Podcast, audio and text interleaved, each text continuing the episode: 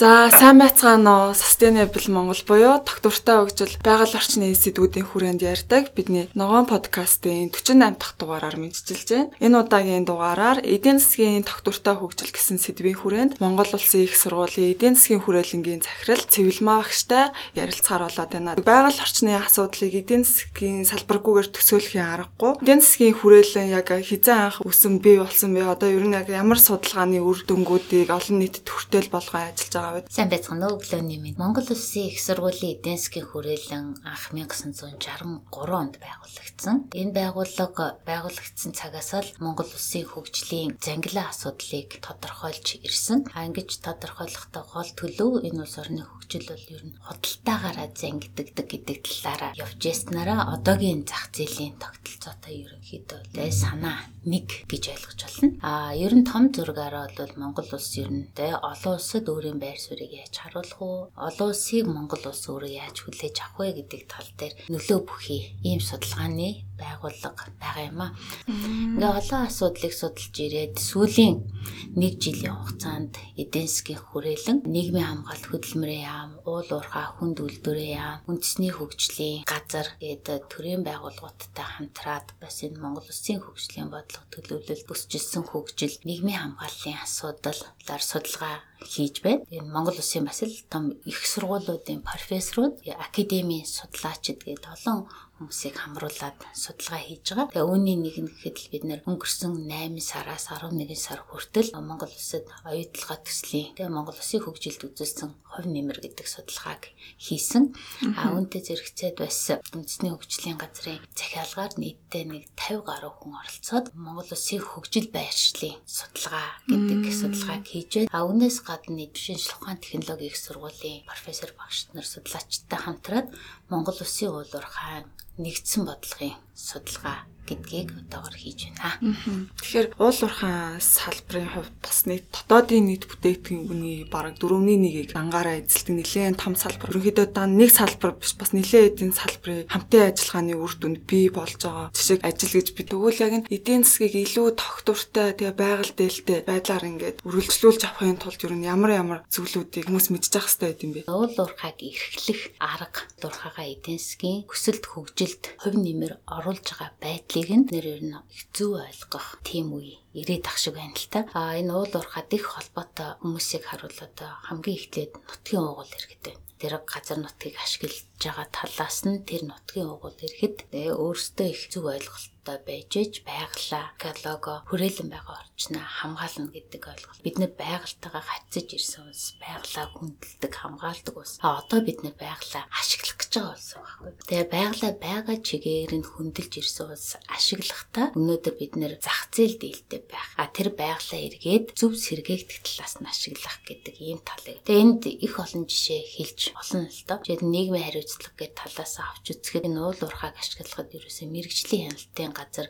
байгаль орчны яамнаас л зөвшөөрөл аваад тэр уул уурхайг эхэлж ирснээс нутгийн уугуул эрэгт орон нутагт үзүүлэх үр өгөөж тэгээ эргээд тэнд байгаа олон нийтийг идэвхжүүлэх талын ажил нь ер нь бол жоон задгаа явж эхлээд одоо л энэ талаас хүмүүсийн хандлага тогтож эхэлж байна. Тэгээ энэ хандлага тогтож эхэлж байгаа одоо Монгол улсад том жишээ байна. Жишээлбэл Өмнө Говь аймгийн Хамбогд сум байна. Хамбогдод энэ уул уурхай тэр дундаа зэсийн олборлтыг хийгээд ирэхэд анх нөхөн олгорыг бол нутгийн иргэд бол зүгээр л мөнгө авна гэдгээр ойлгож байсан.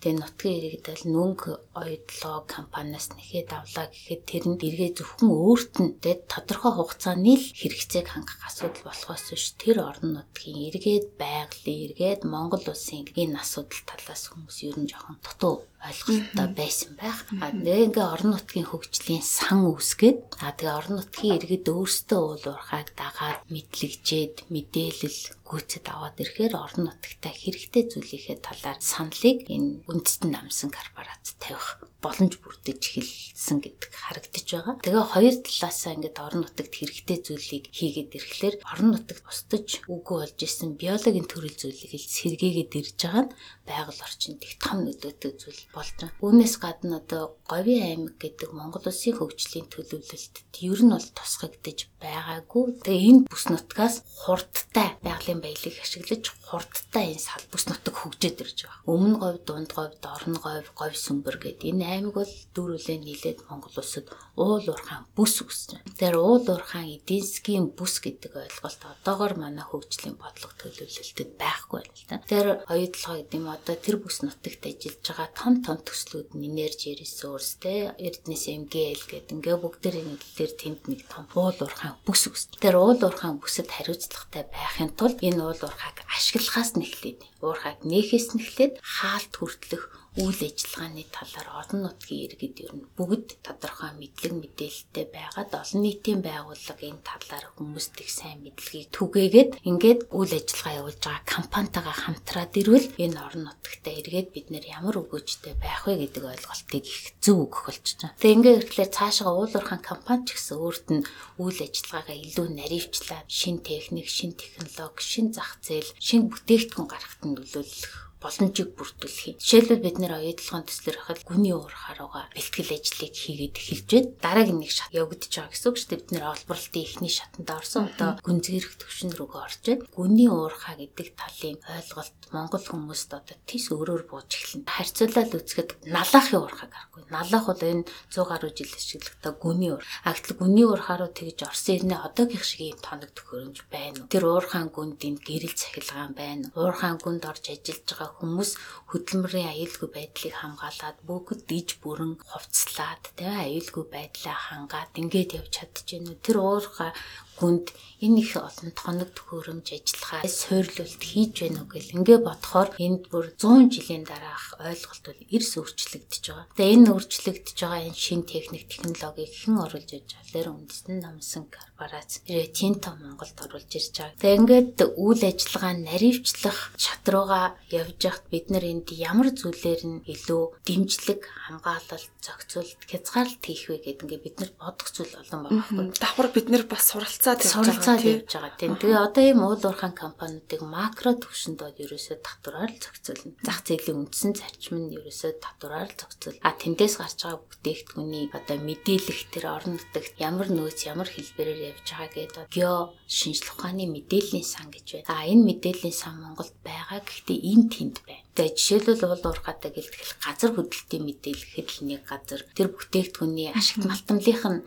мэдээлэхэд л нэг газар байгалийн өөрчлөлтийн мэдээлэл нь өөр нэг газар гэдэг. Ингээд бид нэрээ мэдээлэл энэ тэнд энэ тэнд ингээд тарцсан байгаа мэдээллийг нэг доор төвлөрүүлээд энд нь орон нутгийн иргэдийг мэдээллээр хангаад байдаг бол тэр хүмүүсийн хандлага өөрчлө. Тэгээ хүмүүсийн хандлагыг өөрчлөх мэдээлэл өгөөгүй байж хин нэгний үзэл бодлоор асуудалд хандна гэдэг өнөөдрийн бидний нэг том алдаа болж харагдаад байгаа байхгүй. Тэгээ энэ хөгжлөө харахад бид нар Монгол улсын хөгжилд, орон нутгийн хөгжилд, бүсийн хөгжилд ямар нөлөө үзүүлэх вэ гэж харах хэрэгтэй болчихж байгаа. Тэгээ энд яг бүтэн жишээ нь эргээд яг энэ үндэстэн намсан корпорац оруулж ирсэн оюутлогоо төсөл, мега төсөл энэ бүх төвшнийг харуулах жишээ өнөөдөр Монгол улсад болж байгаа. Орон нутагт, орон нутагт гэлтэхэд өнөөдөр хам богд. Тэгээ аймагт гэтэл өмнө гой аймаг, зэрэгэлдээ аймаг гэлтэхэд Тэгээд дундговь, дорногой өөр бусад аймагуд. Тэгээ Монгол улсын бүсийн хэмжээнд тэгээд одоо бид дөнгөж сая нэг уул уурхаан бүс ер нь биднэрт өссөн үсэг үүслээ. Тэгэхээр энэ бүсэд үзүүлэх нөлөө. Тэгээд цаашаа Монгол улсын эдийн засгт үзүүлэх нөлөө. Уул уурхаагаа бид нэр их зөв ашиглаж чадвал а Монгол улсын бусад нутаг дэвсгэр бид нэр ерөөсөө ирэл хайгуул хийгээгүй байхгүй. Одоогийн нуул уурхаан ирэл хайгуулын төсөл тэгээ энд гарч ирсэн илэрцүүд нь эцэндээ 1970 80-аад онд үед хийгдсэн геологийн судалгааны үр дүн. А тэгвэл энэ уул уурхай ангуул ажиллагааг цаашаа тасралтгүй тогтвортой зөв авч авахд бид нэр бүр ашигт матамлаа бүрэн илрүүлэх хэрэгтэй. Одоогийн хийж байгаа энэ геологийн судалгаа гэдэг чинь жижигхэн бүс нутагт байхгүй. Тэгэхээр Монгол улсаа бид нэр бүтэн таних хэрэгтэй. А тэгээ Монгол улсаа бүтэн таниад ирэхлээр Монгол улсад энэ уул уурхайн бүтээгдэхүүн гадагшаа гарч байгаа бол түүхийгээр биш. Ядаж бид нэр хагас боловсруулад гаргахад ямар бүтээгдэхүүнөр бүтээгдэхүүн рүү анхаарал хандуулах вэ гэдэг ийм зах зээлийн хандлага орон нутагт бүс нутагт үндэсний хэмжээнд тогтож эхэлнэ. А тэгээ энэ тарин сайн технологи ашиглаж чадахгүй байгаа бол бидний алдаа болох байхгүй. Бид нэр өндөр өртөг бүтээгдэхүүн гаргаж чадахгүй болчих. А бид технологи орж ирж байна гэдэг чинь бид нэр өндөр үнэтэй болгох боломжтой. Тэгээ ингэж бид нэр жишээ өгöd байгаа нэг том төслийнхөө эерэг нөлөөг бид нэр бусдад хэрэглэж болохуцаар их жижиг жижигээр жижиг жижигээр түгээх хэрэгтэй байхгүй. Хүмүүсийн чи өнөөдөр соён гэгэрүүлэх гэдэг асуудал их чухал. 21-р зууны хүмүүсийн ерөөсөө гол онцлог тэр дундаа энэ шинэ үеийнхний гол онцлог бол ерөөсөө зөв мэдлэг мэдээлэл бүрэн гүйцэд тэрийг ойлгох асуудал. А тэгэхэд өөр өөрсдөө сонголтыг хийгээ. Тэгэхээр дутуу мэдлэг дээр дутуу мэдээлэл дээр шийдвэр гаргаад явах юм бол тэр нь буруу зөвгөрөл хөтлөнө. Тэгэхээр зах зээл эрхлэх гэдэг зах зээлийг хөгжүүлэх гэдэг ойлголт яг худалдаа талаас харах юм бол байсан. А яг зах зээл үр ашиг байрлал тэнцвэр тэгээд дандаа бизнес тэлэх ёстой томрох ёстой хөгжих ёстой гэдэг талаас харах юм бол бидний туршлага байгаа байхгүй. Тэгэхээр энэ туршлагыг үнэхээр сайжруулах гол кейс бол өнөөдөр Монгол улсад бол ургаан кейс байна. Тэрнээ энэ том төслүүд байна. Тэгээд том төслүүд одоо эндээс ингээ харахад л бид нэр жишээлбэл оюутлогоо дээр бэлтгэн нийлүүлэлтийн шүлжээ гэдгийг яаж үүсгэж болох вэ гэдэг том жишээг харж болох байхгүй. Өнөөдөр дэлхийн глобал хандлага нь өртгөн шүлжээ рүү орж байна. Тэгээд өртгөн шүлжээний дотроо бид нийлүүлэлтийн шүлжээ, дуул уурхайн нийлүүлэлтийн шүлжээнд орон нутгийн иргэдэг ажлын хувцас, хоол гэх энэ талаасаа бэлтгэж гаргаж экспортлох бүтээгдэхүүний уутыг хийх гэдэг талаас эжийн эхлэл баг. А энээс цаашаа гараад ирэхэд одоо мэрэгчлээ ур чадвартай ажилтан бас энэ гүний урхаатай холбогдолтой бэлтгэгдээд ирж байгаа шүү дээ. Тэгэхээр энэ уул урхаад цааш энэ мэрэгжил бэлтгэгдэж эхэлж байгаа Монгол улсад үзүүлэх их том хувь. Ингээ бид нэр эрэг талаас нь харуул Монгол улсыг хөгжилд оруулах хувь нэмэр олон байна. Ер нь төслийн үр ашгийг хүмүүс хараад тахна дандаа мөнгөн хэлбэрээр ойлгоод байдаг таны хэлсэнчл нь одоо зөвхөн төслийн өөр ашиг нь дан ганц ингээ мөнгөн хэлбэр биш одоо тухайн орон нутгийн хөгжилтэй салбар салбарын бас хөгжлийг бас тодорхойлоод томоохон бас нөө хувь нэмэр болоод ийн гэж үзэж байгаа. Одоо жишээ нь ханган нийлүүлэлтийн хувьд аваад үзэх юм бол яг оюу толгой төслийн хүрээнд 1146 ханган нийлүүлэгчтэй тэдгээрийн 70% нь дотоодын үйлдвэрлэлээ дэмцэн дотоод эдийн засагч нараа бусад салбараа бас дэмцэн тийм үзүүлэлттэй явд юм билээ. Тэгэхээр дан ганцын чинь нэг салбарыг биш нилээд боловсруулах үйлдвэр жижиг үйлдвэрүүдийг хүртэл сургаад тэрнийхээ дагуу байх стандарт нь юу вэ те ямар журмаар энийг хийгээд яаж ингээ хэрэглэгчдийн гар дээр хүрэгдэе гэсэн байдлаар бид нар бас өөрсдөө давхар бас суралцаад явж байгаа жишээгээр нь бол байн хараад байна л да. Хоёр том асуудлыг жи саяг нэг зэрэг хэлчлээ. Нэг нь үлээр яа харахгүй бид нар хараа техник эдийн засгийн үр ашиг гэдгийг ер нь төсөл төр голлоо явцсан байхгүй.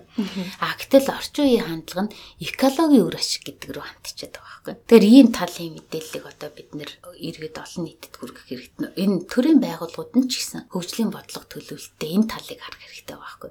Техник эдийн засгийн үр ашиг гэдэг бол тухайн төслийнх нь л хувьд яригдж байгаа. Тэрийг хэр бид нэр эдийн засгийн үр ашигтаа авч явах вэ гэдэг асуудал. А гэтэл экологийн үр ашиг гэдэг одоо яриад эхэлж байгаа байхгүй. Экологийн үр ашиг нь илүү чухлаа гэдэг тал руу ороод ирэх юм бол энэ бидний хандлагыг өөрчлөхөд их том нөлөө шийдвэр гаргалтыг ч гэсэн энэ тал руу чиглүүлвэл энэ их өөр урсгал болно гэсэн. А нөгөөх нь бусад салбар, холбоотой салбар, тэгээ бие биенийгээ дэмжих салбар гэдэг өнөөдөр Монгол хүмүүсийн хувьд тийм зах зээлийн орчинд ажиллахад хамгийн гол асуудал. Тэгээ үүнтэй холбоотойгоор ер нь зах зээлийн орчин, орчин өөрөө тогтож байгаа мó гэдэг асуудал байгаа байхгүй. Тэр бизнесийн орчин ч өөрөө төлөвшөж тогтохгүй бол энэ бизнес нь хүчтэй явагдахгүй. Тэгээ бизнесийн орчин төлөвшөж тогтоход нэг байгууллага бүгдийн үйлдвэрлэж чадахгүй. Тэгэхээр хоорондоо холбоотой байхаас аргагүй. Өнөөдөр уул уурхаан шат дамжлагаар өөрөө холбоотой бол жишээл ирэл хайгуулаасаа эхлээл цаашаага тэрийгэ металл, ашигт металл, металл бус иргэдсээ тодорхойлж гаргаж ирээл тэрийгэ олборлоод, ашиглаад, баяжуулаад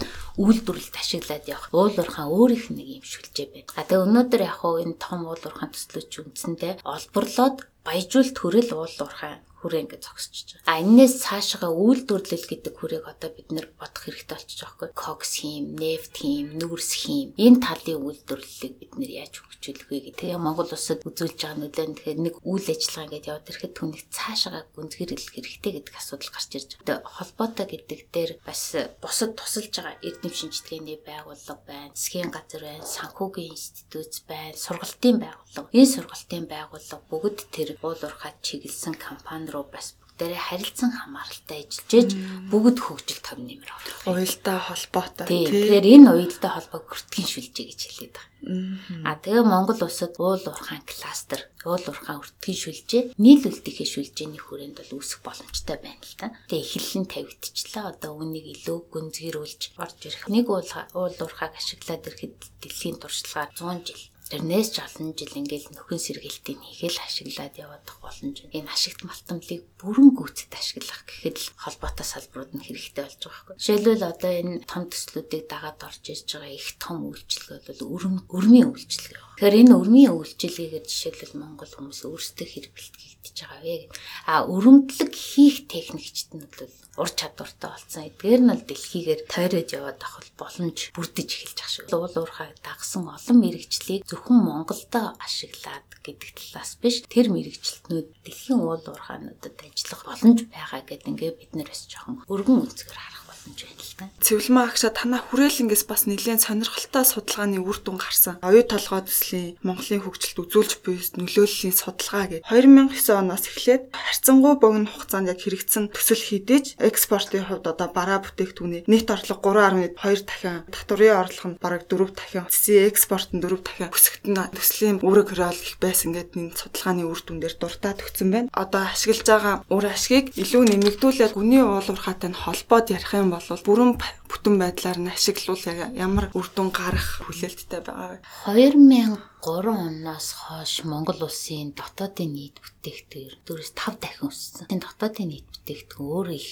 томорсон дүр зураг харагдаж байгаа. Тэгээ энэ томорсон дүр зураг дотор оюутлогоо төсөл 2009 онд анхны хөрөнгө оруулалтын гэрээ хийгдэж эхэлснээс хойш Монголд үзүүлэх нөлөө нь янз бүр байсан. 2013-аас 15 оны хооронд оюутлогын төслийг төр зогсоосон. Тэгээ энэ зогсоох үед л Монгол Улсын дотоодын нийт бүтээгдэхүүн бол жил дунджаар 7 гаруй хувиар бол буурсан үзүүлэлт байдаг. А тэгээ 2014 оноос хойш оюутлогоо төсөл хэрэгжижсэнээр Монгол Улсын дотоодын нийт бүтээгдэхүүнийг жил дунджаар 9.4 хувиар өсгсөн гэсэн судалгааг манай судлаачид чи сая хэллээ те экспортын нийт орлогыг 3.2 дахин татвар орлогыг 396 дахин зэсийн экспортыг 3 дахин өсгөхөд нөлөөсөн. Тэгээ гүний уурхаа ашиглаад ирэхээр энэс хэд дахин том. Тэгээ 2003 оноос хойш 16 он хүртэл Монгол Улс эдийн засаг 3-аас 4 дахин томорсноос ч илүү томрох тийм дүр зураг гарч ирнэ гэсэн. Одоогийнхоос 90 олборлол тийг ашиглаад ирэхээр энэ нуул урхан орлогууд бол эрс нэмэлт бид нэр их зөв бэлтгэлтэй байх хэрэгтэй. Бид нэр хөгжлийнхээ үднэс дандаа өнгөрснийг нь байгаа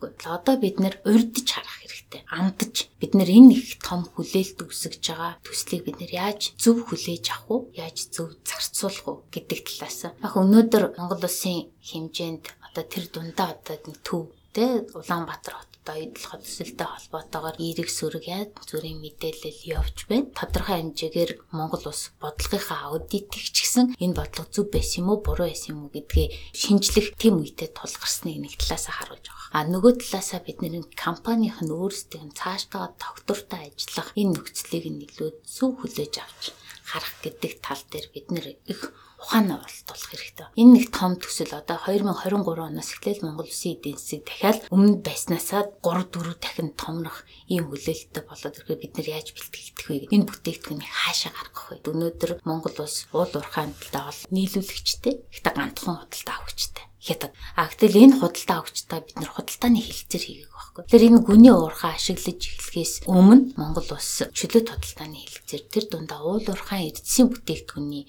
худалдааны хилцээрийг эхлүүлэх шаардлагатай болж эхэлж байгаа. Гүний уурхаа эхлээд цаашаа ингээд явхад бэлтгэн нийлүүлэлтийн шүлжээ илүү нягтрших хэрэгтэй болно. Тэгэхээр энд бид нэр хэр бэлтгэлтэй авах. Тоног төхөөрөмжийн хувьд, технологийн ажлах хүчний бэлтгэлтэй юу гэдэг. А том компани бол бэлтгэлтэй байна. А бид нар өөрсдөө яаж хүлээж авах юм бэ? Нутгийн уугуул иргэд байна, олон нийтийн байгууллага байна, нийтийн шинжилгээ судалгааны байгууллага байна. Одоо нөө өртгийн шүлжээнд оролцож байгаа талууд энд хэрхэн бэлтгэгдэх вэ гэдгийг одоо ботож эхлэх тийм цаг бас ирж байна. Хүний уурхайг дагаа олборлолт гэсээд ирэхэд Монгол улсад холбоотой болон тэгээ бие биенийгээ дэмжих салбарууд яаж өөрчлөгдөх вэ гэдэг талаас бодох хэрэгтэй үнд дагуу орж ирж байгаа тэр олон тоног хөрөмж ашиглалтын эрчим хүчийг их сайн бэлтгэх хэрэгтэй. Яг өнөөгийн байдлаар бол э, Севрэ ноён гэдэг өмнө аймгийн сумдууд импортын цахилгаан хэрэгжилж байгаа. А гэтэл гүний уурхай ашиглаад ирэхэд энэ цахилгааны хэрэглээ эрс нэмэгдэн эрчим хүчний хэмнэлттэй байх гэдэг өнөөдөр их том сорилт болж байгаа. Гүний уурхай олборлол дээр зөв хандлагаар гарч чадвал Монгол улсын хөгжилтэй дараагийн 50 100 жилд бол эрэг нөлөөтэй байх боломжтой болов гэж их өөдрөг харж байгаа. Тийм тий. За тэгэхээр удаагийн дугаараар Монгол улсын их сургуулийн эдийн засгийн хүрээлэнгийн захирал Цэвэлмэн агштай эдийн засгийн тогтвортой хөгжлийн талаар ярилцлаа. Дараагийн дугаар хүртлээр Түр баяртай. Баярлалаа.